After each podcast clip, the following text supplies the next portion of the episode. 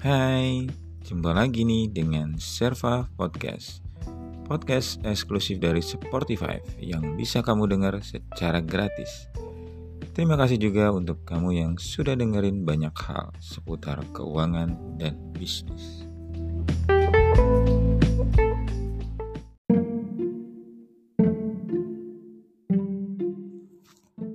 Selamat siang Bapak. Saya ada penawaran menarik investasi buat Bapak. Bagus loh Pak. Bunganya di atas bunga bank. Oh ya, minimal berapa? Minimal 50 juta. Untuk berapa lama? Uangnya diputar ke mana ya? Uang Bapak dikelola di grup perusahaan kami. Dan Bapak akan menerima pasti setiap bulannya. Oh gitu.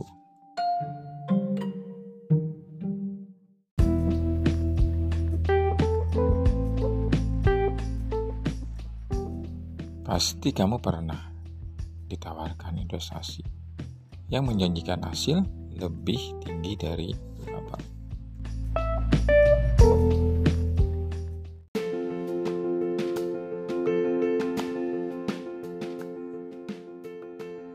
Sebenarnya apa sih investasi itu?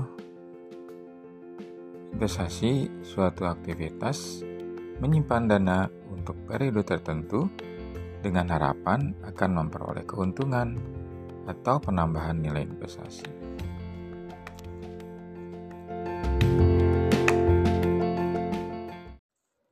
Nah, untuk investasi itu bukan berarti tidak untung loh, atau bukan berarti juga tidak rugi. Yang namanya investasi harus tahu resikonya sebagai investor.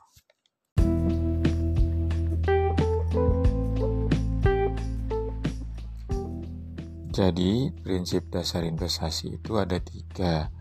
Yang pertama adalah low risk, low return. Yang kedua, medium risk, medium return. Yang ketiga, high risk, high return. Mungkin analogi investasi seperti ini. Seperti seorang petani jagung yang telah memiliki bibit jagung terbaik untuk ditanam di ladang yang luas. Saat berproses, ada kemungkinan gagal karena cuaca, karena hama, dan tumbuh tidak sempurna.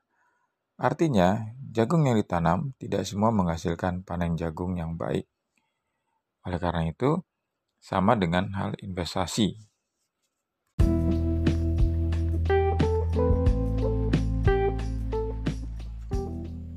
Bibit jagung petani yang kualitas unggul itu adalah merupakan perusahaan tempat kita berinvestasi, di mana para manajer investasi akan melakukan investasi dengan pilihan-pilihan yang sesuai dengan profil kita.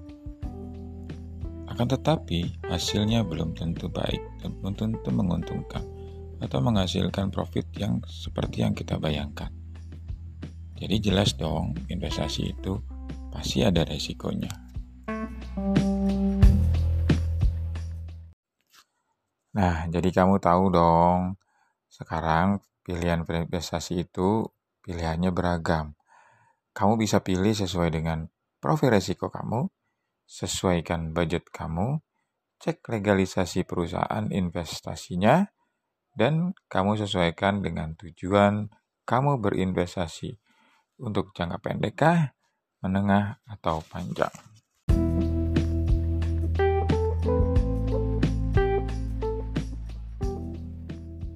Mulai saat ini kamu lebih paham lagi tentang investasi. Jadi suatu saat nanti ditawarkan investasi, maka kamu akan cek terlebih dahulu profil dan resiko yang akan kamu terima sebagai investor. Sampai di sini dulu ya saya bahas investasinya. Jadi paham kan? Nantikan episode selanjutnya ya.